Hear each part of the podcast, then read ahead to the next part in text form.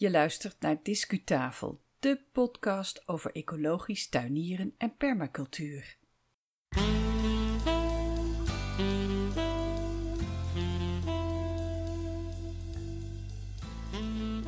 Welkom bij een nieuwe aflevering van de tweewekelijkse Discutafel podcast.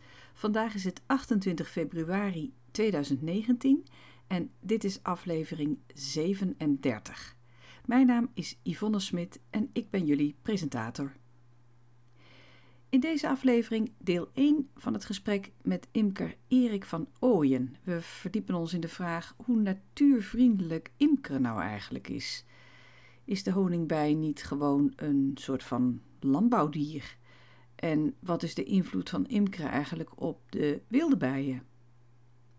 Maar daarvoor maken we de winnaars eerst bekend van de weggeefactie van zaadvaste tomatenzaden uit een van onze vorige afleveringen. En dit is de tweede en laatste trekking van, uh, van deze actie, dus spannend. Maar we beginnen met een klein verjaardagsfeestje. Discu Journaal.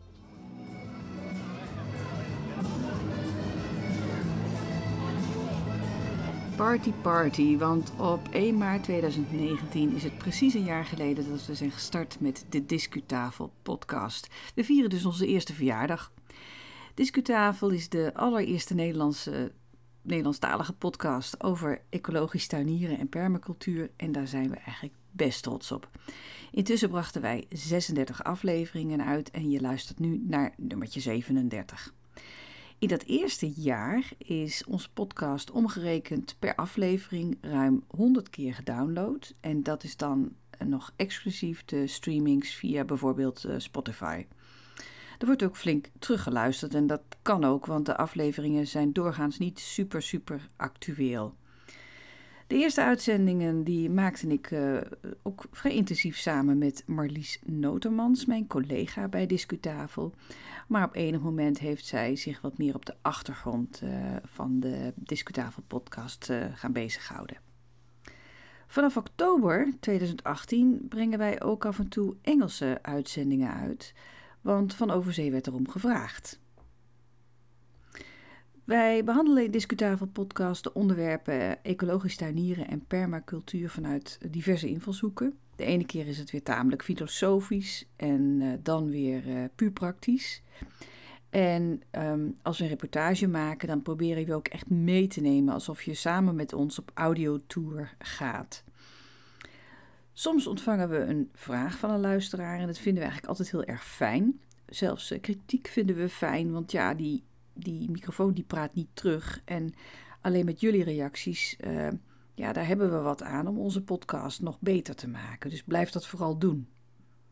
Een van onze luisteraars die uh, gaf de podcast onlangs een, een werkelijk fantastische eretitel. Zij noemt namelijk Discutafel Podcast een vitamine voor de oren.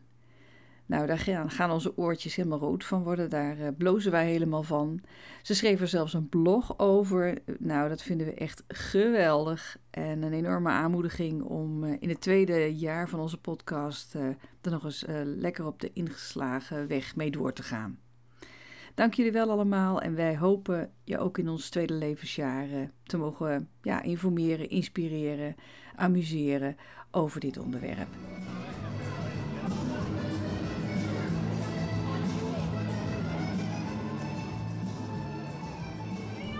Nou, dan gaan we nu, voordat we het interview starten met Erik van Ooyen, gaan wij uh, vertellen wie de winnaars zijn uh, uit de tweede trekking uh, van de actie rond zaadvaste tomatenrassen. In podcast aflevering 34 heb je meer over die actie kunnen horen. Deze zaden worden beschikbaar gesteld door leden van de Volkstuinvereniging Dongenseweg in Tilburg. Allemaal Ontzettend bedankt voor jullie deelname aan deze actie. Maar er kunnen natuurlijk maar een paar winnaars zijn, want de zaadzakjes die raken zo onderhand op. De gelukkigen zijn Rens, wij weten niet waar die woont, hij wel. Melissa uit Eersel, Mieke uit Utrecht en tenslotte Jolanda. Ook haar woonplaats kennen we niet. Allemaal gefeliciteerd. Mieke willen we vragen: wil je even contact met ons opnemen en je naam en adres doorgeven? En de anderen, Rens, Melissa en Jolanda, die krijgen persoonlijk een e-mailtje van ons, want we hebben hun e-mailadres intussen van hun gekregen.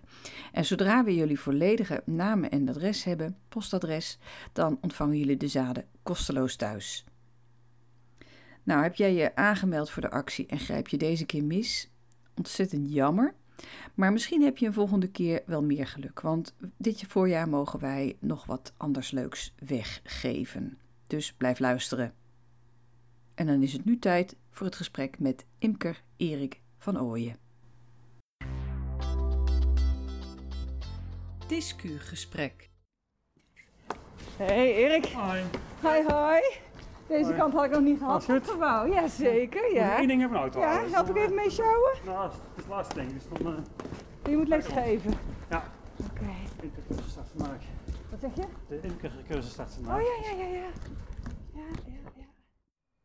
Hallo Erik, fijn dat ik hier jouw gast mag, eh, mag zijn. Misschien wil je, voordat we gaan praten over de bijen, eh, iets over jezelf eh, vertellen. Ja, dag Yvonne. Ja, welkom hier bij mij. Ehm, ja, iets over mezelf vertellen. Ja, ik ben eigenlijk, eh, ja, wat een bijenmens maar even eh, als term eh, gebruiken. Ik hou me heel veel met bijen bezig. Met, met imkeren zelf, maar ook met zorgen dat het beter gaat voor de bijen. Dus zorgen voor aanplant en dat betekent eigenlijk zorgen voor meer bloemen waar bijen van kunnen smullen. Jij, bent, je hebt zelf een eigen imkerij, Klopt. Maar we zijn hier ergens anders. We zijn hier op een school, dus je hebt nog andere bezigheden. Ja, een van de dingen die ik doe is veel vertellen en, en, en cursussen geven over bijen. Dus we zijn hier inderdaad op de Has in, in, in Den Bosch. En hier krijgen de eerstejaars eh, leerlingen van de, van de opleiding toegepaste biologie... krijgen hier een, een programma over bijen, over imkeren en ook over de wereldbij. Zodat ze ook zeg maar, die achtergrond eh, meenemen. Oké. En dat is onderdeel van het studieprogramma. Dat is onderdeel van een studieprogramma, ja. Dat kunnen ze als keuzevak kunnen ze dat, eh, kunnen ze dat kiezen. De reden dat we eigenlijk hier even bij, eh, over het onderwerp bijen bij elkaar zitten, Erik, is dat eh, wij de afgelopen jaar allerlei verschillende signalen hebben gehoord over de conditie van de bij. En dan met name de honingbij. En eh, er was afgelopen jaar ook een, ehm, een radiodocumentaire van Radiodoc, waar ik erg van schrok. Omdat de, de ik-persoon, de, de verslaggeefster in kwestie, allerlei dingen aan het ontdekken was over ehm, dat, het, dat de situatie toch wel heel erg gen- genuanceerd is over de conditie van de bij en over, met name over de natuurvriendelijkheid van het imkeren. Hoe natuurvriendelijk is imkeren eigenlijk volgens jou? Oeh, ja, dat is een heel lastige vraag. Zelfs voor, voor, een imker, denk ik. Ehm, we kunnen eigenlijk op heel veel verschillende, heel veel verschillende manieren imkeren. En ja, wat is natuurvri- na- natuurvriendelijk? Eh, kunt misschien vergelijken met het houden van de paarden in Oost-Vaardersplassen. De ene vindt het eh, heel erg natuurvriendelijk zoals het daar gaat. En beheerders voor- vooral eh, vinden dat daar bepaalde maatregelen moeten genomen, omdat het juist goed is voor de natuur. Terwijl anderen misschien zeggen van, nou, we moeten het toch gaan voeren. Ja, ja. Zo geldt het eigenlijk binnen de imkerij. Heb je natuurlijk ook allerlei stromingen eh, die, waarvan iedereen vindt, iedereen is natuurvriendelijk bezig. En ik denk, tot zekere mate is dat ook zo. Maar er zijn natuurlijk wel, wel, toch wel eh, behoorlijke verschillen ook wel in de manier waarop ze het doen. En er gebeurt heel veel met bijen. Ehm, in, in, in één vorm is het eigenlijk gewoon een, een puur een, een landbouwdier. Hè? Dus hetzelfde als koeien en varkens en kippen kunnen je ook bijen houden. En er zijn ook mensen dus die daar, eh, er wordt ook geselecteerd en gekweekt en er wordt kunstmatige inseminatie gedaan. Allemaal om een bepaalde bij eh, eh, te verbeteren. En daarmee de beste, de beste bij te krijgen. Nou, dan ben je denk ik heel vers mogelijke manier van de natuurlijke Ja, imker want dan bepalen wij als mens wat de beste bij is. En dat betekent meestal hoge productie met lage kosten. Eh, hoge productie, in dit geval honing halen en bestuiven. En eh, eh, lage kosten, maar ook dat, je goed, goed in omgang, hè, dat ze aardig zijn, aardig zijn die bijen en, en dat ze ook vriendelijk zijn voor de imker. Dat is ook wel een factor die vaak daarin in meespeelt. Ja, dat klopt. Ehm, ja, en dat, is inderdaad, dat bepalen wij als mens. Dus nou ja, wij zijn ook natuur, maar dat is, toch niet in het algemeen wat onder natuur wordt ervaren. Dus natuurlijk gewoon heel andere richtingen. Je hebt eh, eh, mensen die biologisch imkeren, je hebt mensen die gewoon gangbaar imkeren, je hebt mensen die biologisch dynamisch imkeren, eh, natuurlijk imkeren. Er is een heleboel variatie in.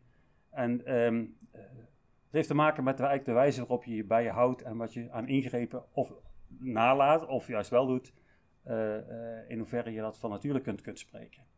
En gangbaar bijvoorbeeld, zul je, zul je de koningin verwisselen in, in zo, over, om de zoveel tijd, om te zorgen dat je raszuivere koningin houdt, dat je zachtaardige koningin houdt. Nou, dan bedoel, bedoel, je eigenlijk dat de imker dan ingrijpt dat de natuurlijke koningin die er is, wordt verwisseld voor een, voor een andere? Ja. Die wordt dan kunstmatig ingezet en die oude koningin die legt het loodje dan waarschijnlijk. Ja. ja. En dat gebeurt om, om, ja, om, om raszuiverheid van, de, van, van, van het volk te houden. Een, een meer natuurlijke imker, die, die, die, zal dat, die zal dat niet doen. Hè? Die zal doorgaan met, met, met de koningin die hij heeft. En vanuit daaruit door uh, uh, zijn volk onderhouden. Ja. Nou, ook daar vindt natuurlijk op een gegeven moment natuurlijk wel een koningin, koningswissel plaats. Maar dat is dan op het moment dat de bijen dat zelf besluit. Ja. Nou, dat is denk ik wel heel kenmerkend voorbeeld misschien wel wat voor mensen dan als, als ervaring als, als natuurlijk imker wordt ervaren.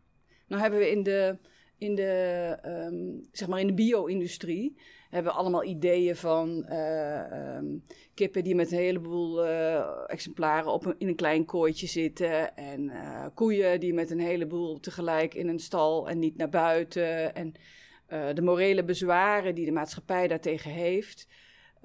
Um, de discussie die gaat over is het nou wel of niet goed voor een koe om wel of niet naar buiten te gaan. Uh, kan jij iets zeggen als je dat brede spectrum hebt van imkeren, van, van zo dicht mogelijk bij die natuur blijven aan de ene kant en het meer als een uh, zo, zo wat verder van de, van de natuur af aan de andere kant. Hè? Dus meer het, productiegerichte. Uh, dat raszuiver houden, wat jij zegt. Hè? Als, je, als je dat spectrum zo eens ziet, um, wat voor gevolgen heeft dat, nog los van morele bezwaren van ons, wat voor gevolgen heeft dat voor de bijenpopulatie, voor het beest zelf? Ja, dan is misschien goed om te beseffen dat je, eigenlijk heel veel verschillende soorten bijen hebt om daarmee te beginnen. Hè. Je hebt in Nederland 360 verschillende soorten bijen. Uh, de meeste, 360? 360 verschillende soorten, ja. De meeste daarvan, 359, zijn, uh, zijn geen honingbijen. Dat zijn solitaire bijen, dat zijn hommels, wat ook als bijen rekent. Dus die, uh, die vallen echt al puur onder de natuur, zeg maar even. Dus de, de één soort is maar de honingbij. En daar hebben we het over, dus op, op, op, over het totale geheel. Als het over imkeren gaat, hebben we het over de honingbij. alleen maar over de honingbij. De honingbij komt van nature niet meer voor in Nederland. dus, dus, er bestaan geen natuurlijke populaties honingbijen in Nederland. Dus je hebt het eigenlijk altijd over een, over een dier wat door... Over een landbouwdier in feite? Eigenlijk altijd over een landbouwdier, ja. ja. En naast die honingbij heb je nog een hoop andere, die vliegen vrij in de lucht. Dat zijn meestal de solitaire bijen? Solitaire bijen, uh, hommels, die, die, leven ook wel in, in, in de sociale staat. Um, maar eh, de meeste zijn solitaire bijen. Ja. En onze manier van imkeren, hè?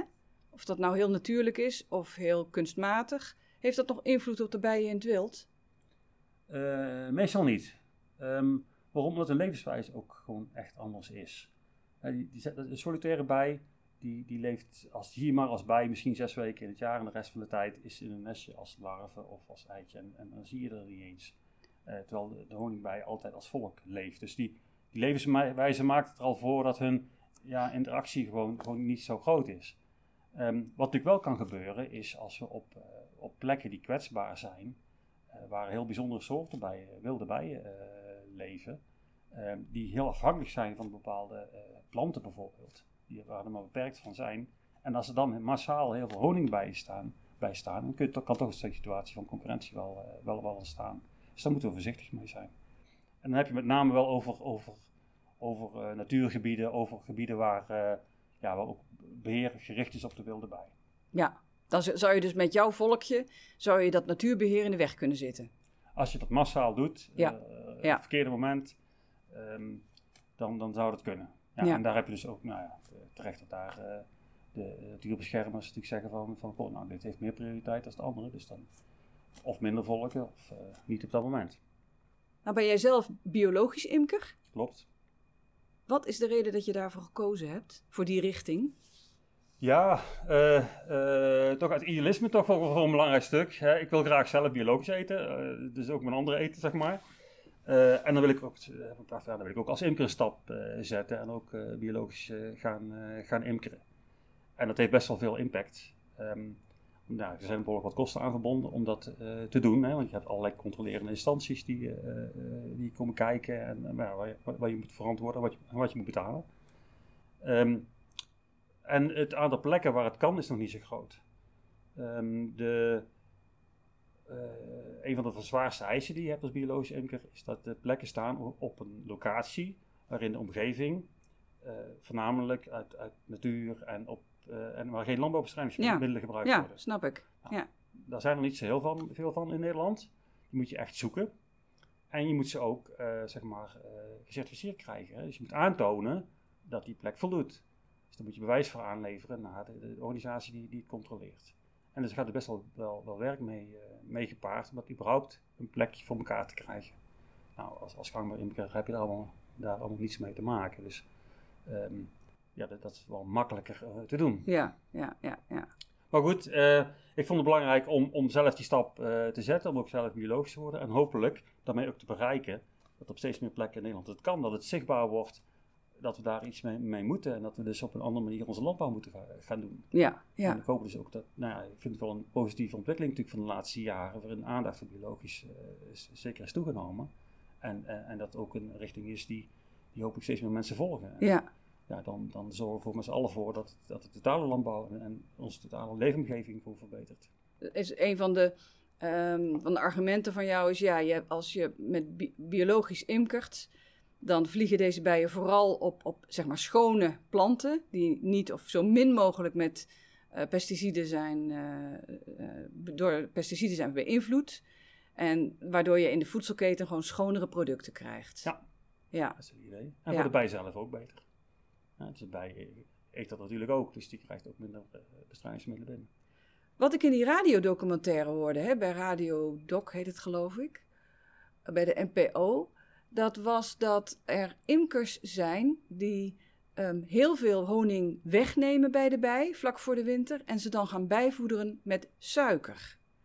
En dat zou dan zijn omdat ze, um, als je heel veel honing wegneemt, dan um, overleeft zo'n volkje niet. Want een bijenvolk uh, overwintert. Hè? Waar, de, waar de wespen gaan geloof ik allemaal dood, behalve de koningin. Maar de bij, die, die overwintert als volk.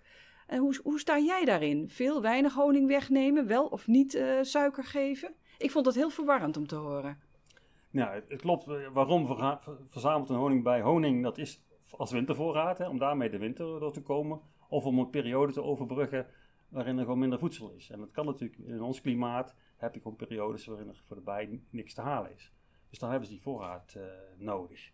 Nou, je moet wel beseffen dat, het is niet voor niks dat, dat, dat er geen, in de natuur in Nederland geen honingbijvolken zijn. Want uh, de natuurlijke situatie is dusdanig dat een honingbijvolk tijden zal hebben dat je niet genoeg kan halen en het niet zal overleven. Dus ook in de natuur zal je het niet overleven. Ja.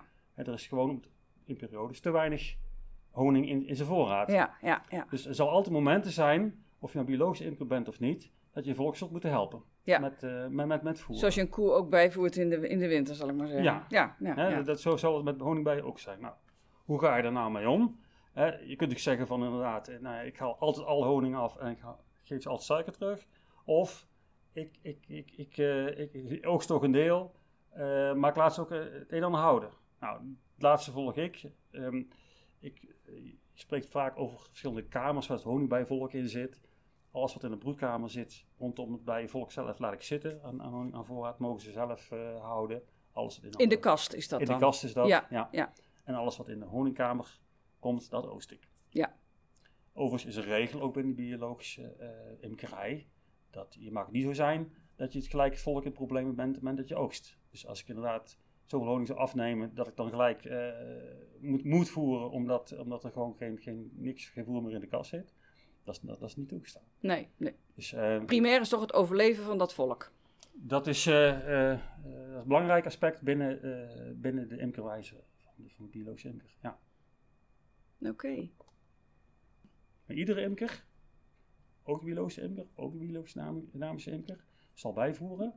En uh, die zal dat uh, zeker voor, ik doe voor een deel met, met, met suiker. Hè? Dus uh, ik maak, maak van mix. Is dat dan kristalsuiker? Of wat, wat is dat als je in, hebt over nou ja, suiker? Dat, is, dat, dat, dat, kan um, kristalsuiker zijn, maar ik moet het dan ook wel van, met biologische suiker doen. Ja. In dit geval is dat een. een dat lijkt mij voor de hand liggend bij jou. Ja. ja. Rietsuiker. Ja, ja. in dit geval is ja. variant. Ja. En dan gecombineerd met honing. Dus ik maak een oplossing van een deel honing met een deel suiker. En dat voer ik ze dan vast in te voor. Ja, ja, ja. ja. Oké, dus jij vindt het wel verantwoord eh, als je dat ten dele weghaalt bij de bijen in het najaar, mits er voldoende voorraad is dat ze eh, de winter overleven, al dan niet met bijvoederen. Eh, ja, ik denk dat als je Ja. zeg maar wil imkeren en je wil imkeren om toch ook niet alleen als, als natuurbeheerder bezig te zijn, want dat kan natuurlijk ook. Ook dan zul je een keer moeten voeren. Ja, En dan kun je zeggen van ja, dan ga ik het eh, met honing voeren, maar dat betekent dat een andere bijenvolk het ja, geleverd ja, ja, heeft. ja, ja. Dus dan ben je daar eh, de zaak in, ben je zaak eigenlijk een beetje het krom trekken. Discuslot. Nou, je merkt al aan het eind van de opname van zojuist dat eh, imker Erik van Ooyen nog niet helemaal uitgesproken was. Het tweede deel van, eh, van ons gesprek eh, met Inge- Erik zenden we dan ook eh, wel uit, maar wat later. Abonneer je op onze podcast en je hoort vanzelf dat tweede deel voorbij komen. Maar als je heel nieuwsgierig bent, houd dan ook ons Twitter-account in de gaten, want daar doen we meestal een vooraankondiging van de onderwerpen in de aflevering die eh, uitgezonden gaat worden. Nou, we gooien de pannen erop voor vandaag, zoals we dat hier zeggen. Dank jullie wel voor het luisteren. De eerstvolgende aflevering van Discutafel Podcast is in het Engels en gaat over garden birds, ofwel vogels in je tuin. Die editie die staat online vanaf 7 maart. Ga intussen lekker naar buiten en graag tot de volgende keer.